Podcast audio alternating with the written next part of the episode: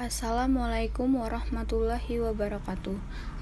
Perkenalkan, saya Cindy Hadi Zafira dari Prodi D3 Gizi tingkat 1B Saya ingin menjelaskan tentang materi yang dari kelompok 1 yaitu tentang hubungan makanan lokal dengan pola konsumsi masyarakat. Apa itu pengertian pola konsumsi dan faktor yang memengaruhi pola konsumsi yang berhubungan dengan pola konsumsi makan yaitu contoh pada penelitian SANS 2003 menunjukkan bahwa sekitar 50% anak perempuan berusia 9 12 tahun ingin memiliki tubuh yang lebih kurus dan lebih puas dengan citra tubuh mereka yang kurus sehingga menyebabkan para anak perempuan memiliki gangguan dalam konsumsi makannya dan melakukan diet. Pengertian pola konsumsi makanan Menurut Hong yang dikutip oleh Amina 2005, pola konsumsi adalah berbagai informasi yang memberikan gambaran mengenai jumlah dan jenis bahan makanan yang dimakan setiap hari oleh satu orang dan mempunyai ciri khas untuk suatu kelompok masyarakat tertentu.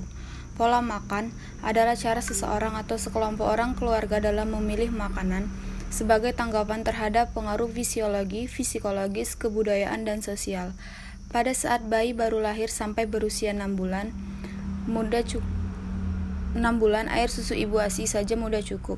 Walaupun air susu ibu ASI merupakan makanan terbaik, namun dengan bertambahnya umur, maka anak memerlukan makanan yang jenisnya berbeda-beda.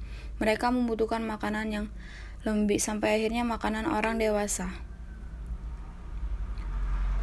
Faktor-faktor yang memengaruhi pola konsumsi yaitu satu tingkat pendapatan masyarakat, Hal ini bisa menjadi faktor utama yang mengaruhi pola konsumsi seorang karena dipakai dua tujuan yaitu tabungan dan konsumsi. Dengan besarnya pendapat yang diterima oleh seseorang, maka tidak menutup kemungkinan juga memengaruhi pola konsumsi masyarakat.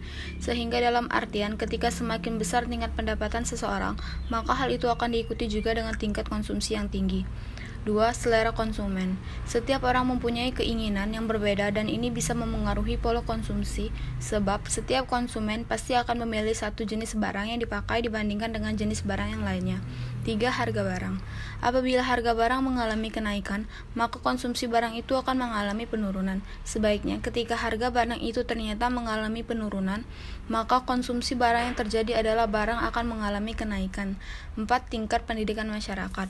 Dengan tingginya rendah dengan tingginya rendahnya pendidikan, masyarakat bisa saja ikut dalam mempengaruhi terhadap perilaku, sikap, dan kebutuhan pola konsumsinya.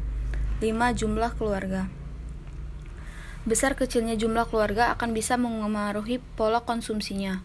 6. Lingkungan Keadaan sekeliling dan kebiasaan lingkungan akan memengaruhi perilaku konsumsi pangan masyarakat setempat.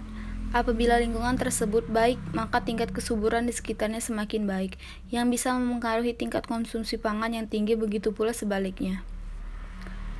Itu saja yang dapat saya sampaikan. Jika ada salah sini mohon maaf. Pada Allah saya mohon ampun. Wabillahi taufiq wal hidayah. Wassalamualaikum warahmatullahi wabarakatuh.